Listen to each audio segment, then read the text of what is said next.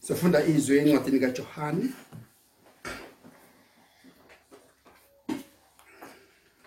Isahluko 19 ivangeli ngokaJohane. Isahluko 19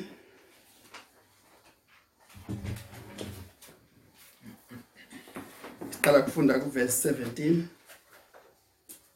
siye sime kuverse 37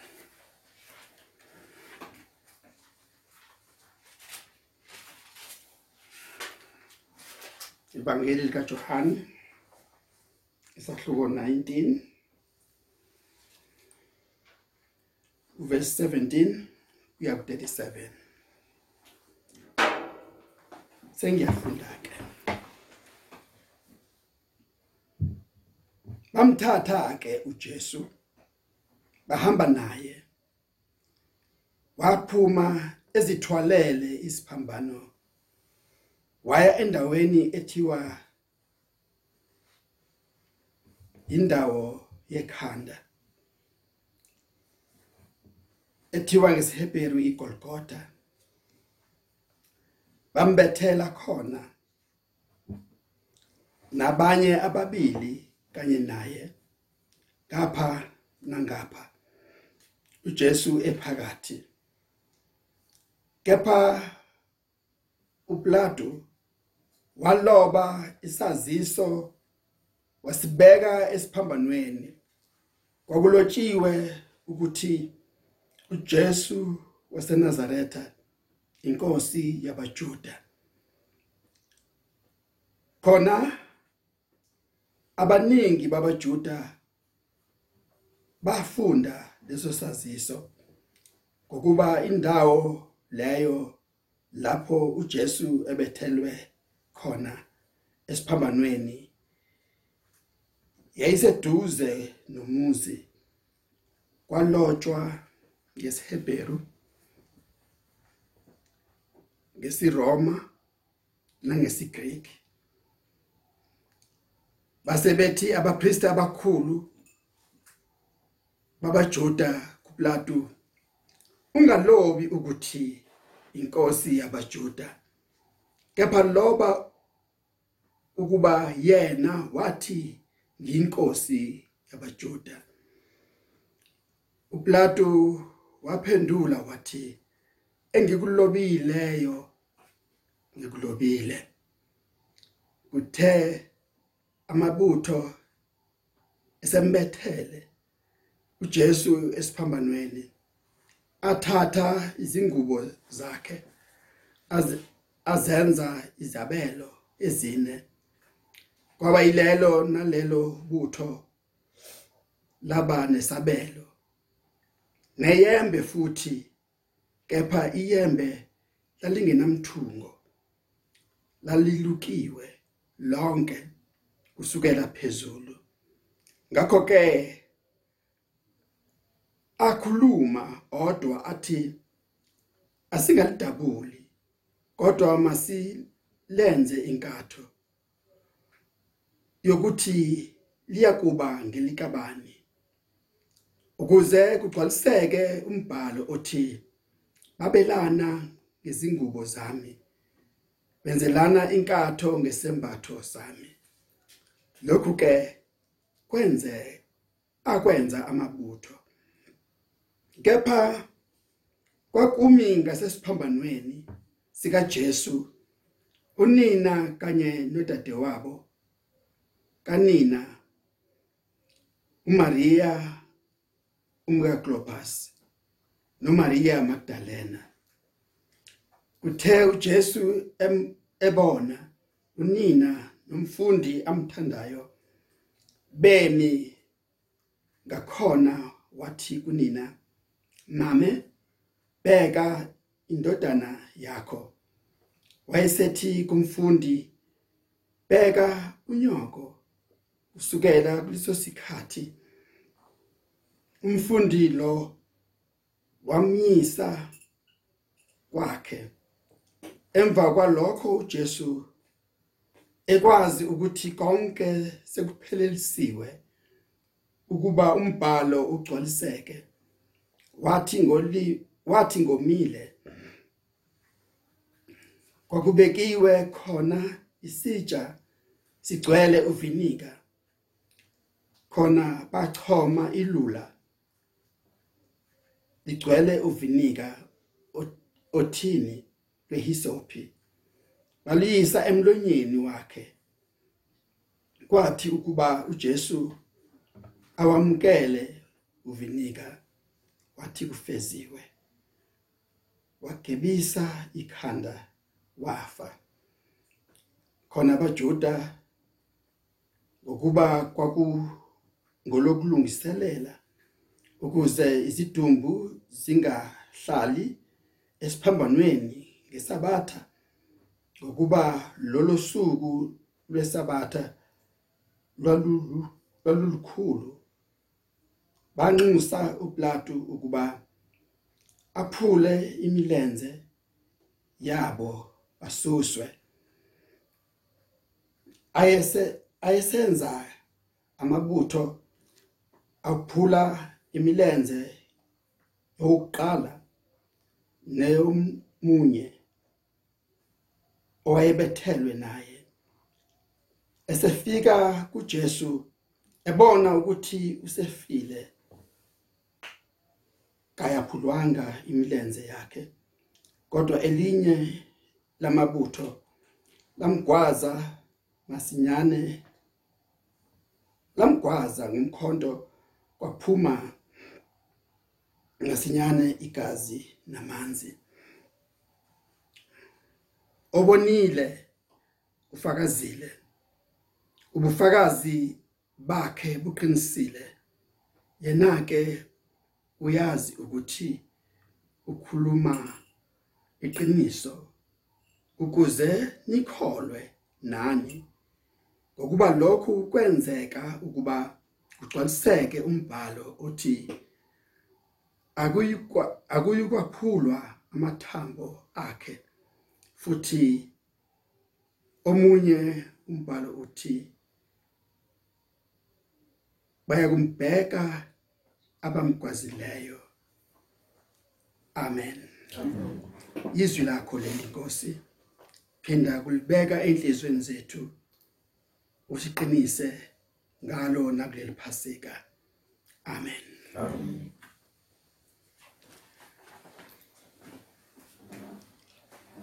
ake siphinde ke sibheke lamazwi bazalwane. uJesu obethelwayo esiphambanweni. Ngalesikhathi sikhuluma ngokubanjwa kwakhe uJesu eseGetsemane ekhuleka. Ngobusuku bangayizolo amhlukumeza ubusuku bonke bemqolisa icala ngapha nangapha bemusa kuHerodi bemusa kuPlato bembuyisela kubapriest abakhulu. Kusanjena uJesu usevele usekhathele. Ngakho sithatha indaba lapho uJesu ephuma nesiphambano sakhe ukuya kobethelwa kusona entabeni yaseGolgotha ebizwa ngokuthi yiCalvary. Phuma vele useyantengezela vele ukhathele. Vele usehlukumezekile andi yethi iBhayibheli waphuma ezithwalele isiphambano sakhe. And bawubuka yonke le ndaba ayikhulumayo uJohane uveza ukugcwaliseka kwemibhalo ukugcwaliseka kwezwi likaNkuluNkulu. uJesu uphumela ngaphandle kwekamu. Njengomhlatshelo wesono. Ukhuluma ngalokho uLevitikus ukuthi yonke imhlatshelo yesono ifanele yenziwe ngaphandle kwekamu. And umbhalo wamaHebheru uyafakaza ngalokho futhi esahlukweni seshumi nantathu lendima yeshumi nambili. Ukuthi uKristu wahlupheka ngaphandle kwekamo kucwaseka kona ke ukuthi ngempela kuyiwundlu likaNkuluNkulu elithwele izono zezwe elihlatshelwa izono zezwe lesintu sonkana. uPlato ke uma eseyikhuluma indaba kaJesu ubeka nombhalo wecala sike sakuthinta lokhu ukuthi indaba yakhe ayenziwanga ngasesa kagetshengwanga kodwa indaba eyaqulwa. Ngakho uma icala liqulwa lisenkantolo yezwe kufanele kuphume incwadi yecala. Yilokhu ke akubhalayo uPlato akunamathisele esiphambanweni ukuthi uJesu icala lakhe ukuthi uyinkosi yamaJuda. Noma ke sizwa ukuthi abantu abathile abakujabulelanga lokho njengabapriest abakhulu nezikhulu zamaJuda bathi akushintshwe kubhalwa ukuthi uyena ozibiza ngenkosi yamaJuda. Kodwa uPlato akavumanga wama kulokhu akushilo nalokho akunqumile ukuthi uyinkosi yamaJuda.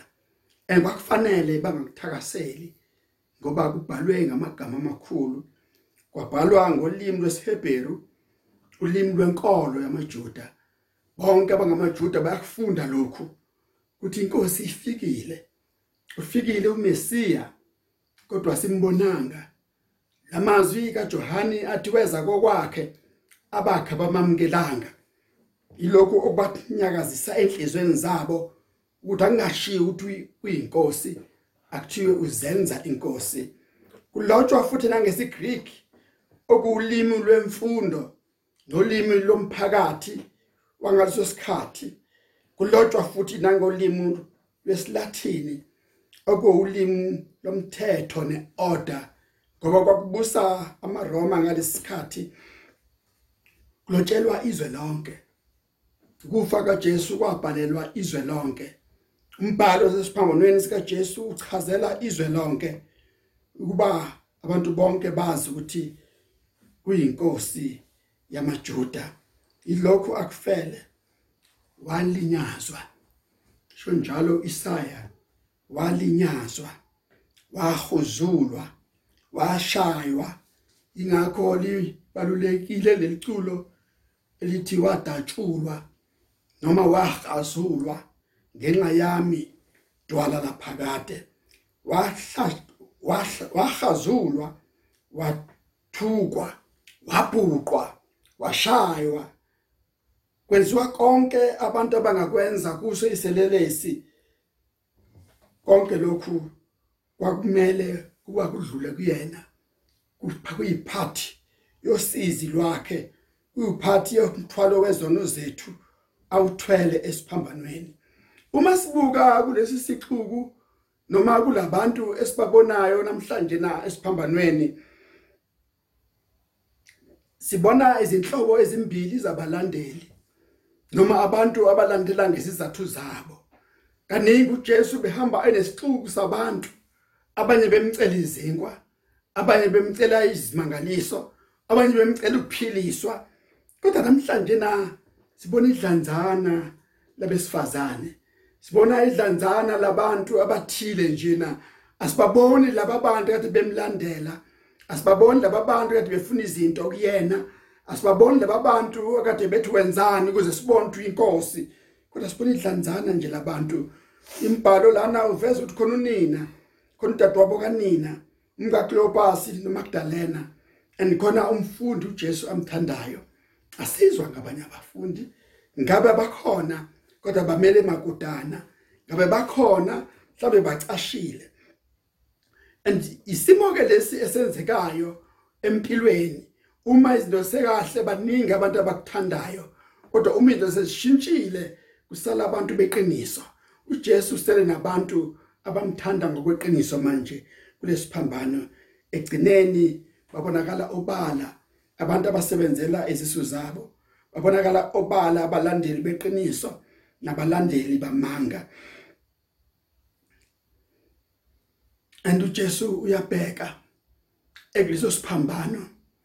Uma eqalaza ephezulu esiphambanweni ebuka phansi ubona unina uyavuka. Lokhu kubuka unina ewumfufubala lapha phansi ekhala. Kuyavuka ubuhlungu ngonina.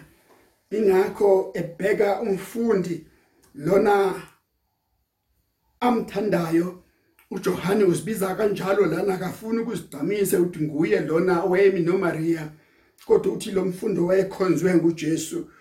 Ubheka uJohane ubheka unina usethi mame bheka indodana indodana bheka unyoko. Cha cha cha akafuni ukusebenzisa ulimi oluzomvusela izinseka uMaria lokuthi ma wami nangu umuntu ozokubheka cha. Umthathisa komunye wabesifazane. Yilamazwi uJesu awakhuluma kuMaria esahlukweni sesibili salencwadi kaJohani emshadweni wasekhana ethi mame isikhathi sama sikafiki isikhathi sama kusona lesi kodwa isikhathi sami siyeza. And namhlanje na uyawaphinda lawo mazwi uthi mame nayi indodana yakho nangu umphathi wakho nangu umuntu ozobheka indaba zakho ukusho lokhu Jesu ubuyazi ukuthi yena inhloko yekhaya. Ubabonile abafowabo indlela ade bekhula ngayo kodwa manje na ama responsibilities onke wabeka kuJohani indodana eqotho yenze njalo umuntu okholwayo wenze njalo uyanakekela umndeni wakhe uyanakekela abazali bakhe. Noma esesimweni esinjena uJesu uya concern ngempilo ne well-being kanina ukuthi konjeke ubani ozokutake care yama responsibility kamama. Mama bheka indodana indodana bheka unyoko. And kulesikhathi uJesu esezinhlungwini uJesu ese lenga esiphambanweni kuyilesikhathi lapho uJesu ngamanye amagama ekhazimuliswa khona. Ilapho uJesu ekhazimuliswa khona uNkulunkulu ubonakala khona. Ukubonakala khona umsebenzi awuzele ukuzofuna nokusindisa okulahlekileyo umsebenzi okuzothwalela izono zabaningi. Yilapho kubonakala khona futhi ubudlelwane bakhe nonina ukuthi manje bushintshile. Kodwa ke kuseyona indodana nonina kodwa sokubudlelwane benkosi kanye nomsindiswa. Bomsindiswa kanye nenkosi yakhe njengabantu bonke. Andilabo futhi kubonakala khona uKristu engena emandleni ovuko ngoba lokhu kuma kwanamhlanje indaba ipheli eCalvary indaba iyaqhubeka njengoba sazi and indaba iyaqhubeka futhi kufakazeleka ukuthi uMaria yonke leminyaka ethwele ubengathwele nje ihlazo. Njengoba abanye abantu babesho bethi umthole ehlazweni kodwa gcwaliseka umbhalo. Ukuthi lokho ayikhulelwe kwakuuNkulunkulu enzofeza ubuNkulunkulu bakhe manje. And iyaqhubeka indaba. uKristu osesiphambanweni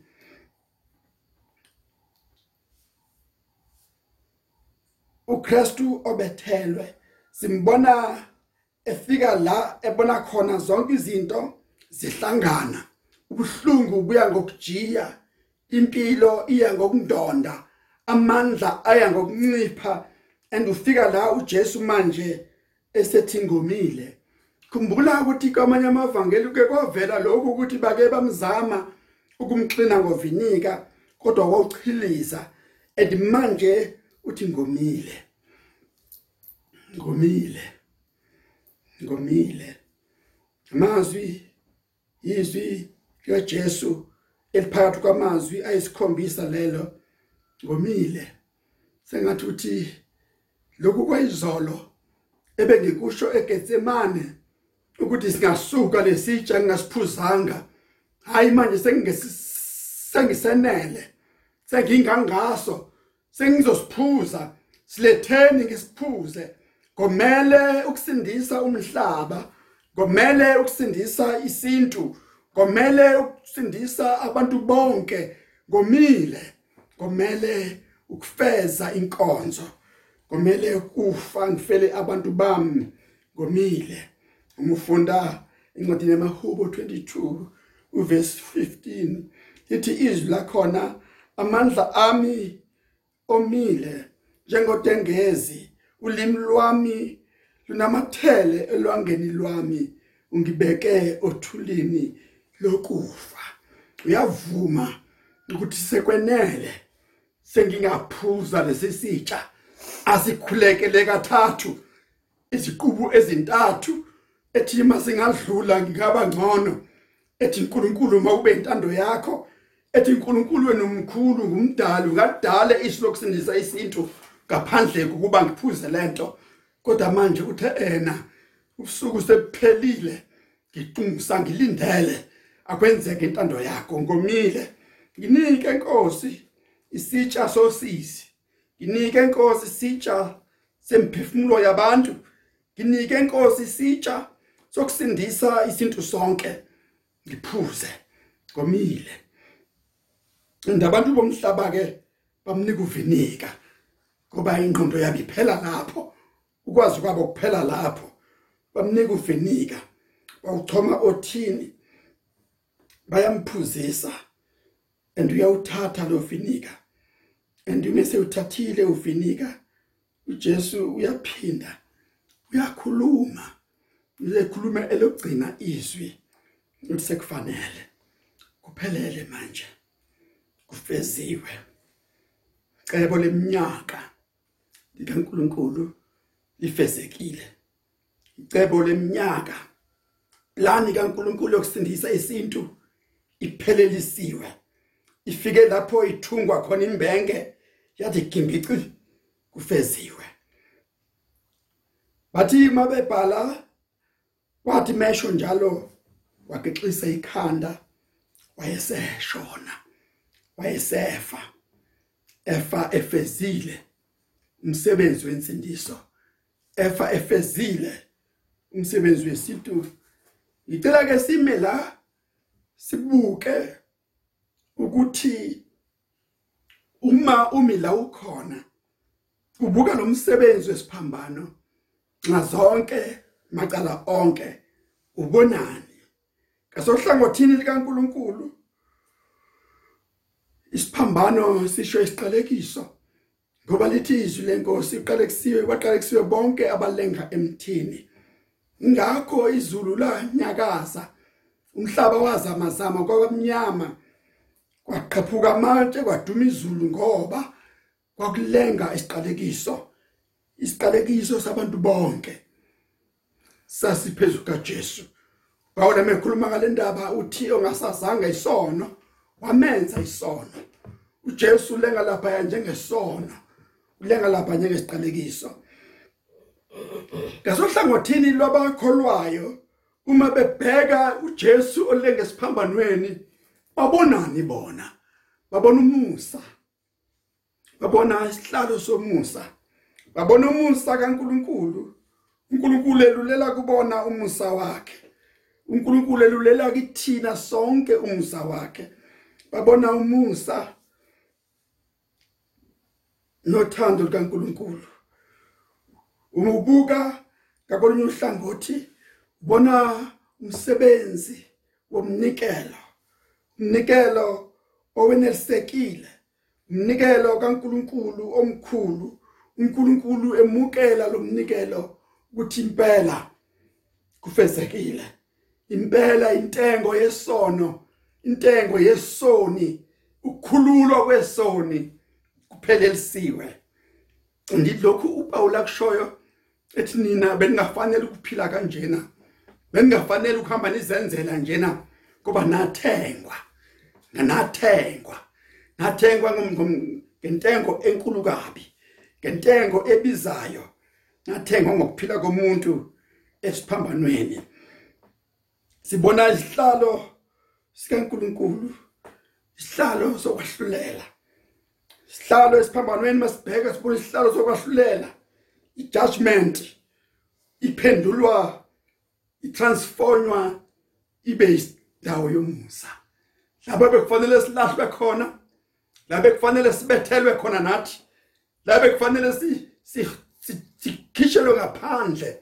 Kodwa isiphambano sika Jesu sa transform ulaka likaNkuluNkulu kube indawo yomusa. Lapho ethi uJesu khona ngelilanga uyodi ngosuku lokwahlulela athi ngenani embusweni kayihlo. Anilungiselela wona izwe lingakasekelwa. Ilokhu esikubona esiphambanweni sibona uJesu ethwele ububi besintu sonke kodwa futhi uNkulunkulu emukela umnikelo wecala. Jesu simbona engumnikelo. Jesu simbona engumsindisi. Jesu simbona esinikela uqobo lwakhe njengomnikelo wesono. And uJesu simbona esiphambanweni namhlanje na and simbuka eyilo umnikelo oyiphunga elimnandi kuNkulunkulu Baba. And simbona uJesu eza kuNkulunkulu yokusithoba nokulalela. Usho njalo uPaula uthwalalela wazithoba kwaze kwaba sekufeni. Yebo ekufeni kwesiphambano. Kodwa mawuma ubheka ngasohlangothini lwesitha ehlangothini lika Sathani usathani uqotshiwe njalo ingoma yakithi uJesu uvukile usathani unqotshiwe. Nginani bantu bonke? Nilindelwe. Sathani uhluliwe. Indodana kaNkuluNkulu ithathile indawo yayo yanqoba. Genesis 3:15 nqoba inzalo yesifazane yalinyathela ikhanda lenyoka. Wanqotshwa usathane amandla akhe aphela amandla akhe asuswa. Andi yilokho esikubonayo ukuthi uJesu ukwenzile esiphambanweni sakhe. Andi uJesu waseNazaretha uJesu ongumuntu uJesu ongumsindisi. Mandla esiphambano asizela naso sonke lezo zinto andikuphelele akushodanga isenti akushodanga iconsi sensindiso ephelele. Sensindiso eyenele endasimdingi uJesu olekelelwayo kodwa uJesu esinaye bathandekayo nguJesu osenzele wonke umsebenzi. Uwenze kwaze kwaba sekugcineni uwenze kwaze kwaba sekufeni ekufeni kwesiphambano. Kuphelele kufeziwe ngisho nezakho izono zifeziwe nezaloya izono zifeziwe. Kuphela kuba uze unjena uze unjena uze esiphambanweni uze emanxebeni. Uthi inkosi lokuphelela kuphelelise nami awungangilahli ngaphandle kodwa ngibale kanye nabasindiswa bakho. Kuleli phasika bekufanele ukuthi uhlele ekhaya lakho uvalelekile endlini yakho busubheka ukuthi nalezi zifo ezikhonjwa ngapha nangapha zazithwelwe. Zazikhona eGolgotha. Ngoba lokho akushilo umprofeti wathi wazithwala izifo zethu wabetshatha ubuhlungu bethu. Nalamalumbo okuthiwa ngeke alapheke nalezi inkinga okuthiwa ngeke ziphele abanye bazibakutshela emehlweni bathi wena uyohluphe kuzufe kodwa kholwa ukuthi nolwakho usizo uJesu walithwele esiphambanweni wayekuphathele neyakho inkathazo kuphelele kufeziwe kucwalisekile konke uJesu ukuphethe athi ohlabelelayo wenguquko athi uthi uJesu ngiza noxolo lwakho ngizwa nentethelelo yakho. Wena osindwayo izono ngoba ukuphelelisile konke. Akabonge uNkulunkulu ngoJesu osithwalele wafeza icala lethu. Amen. Siyakubonga Nkosi Jesu. Siyabonga insindiso epheleleyo. Siyabonga kusiletha kuwena.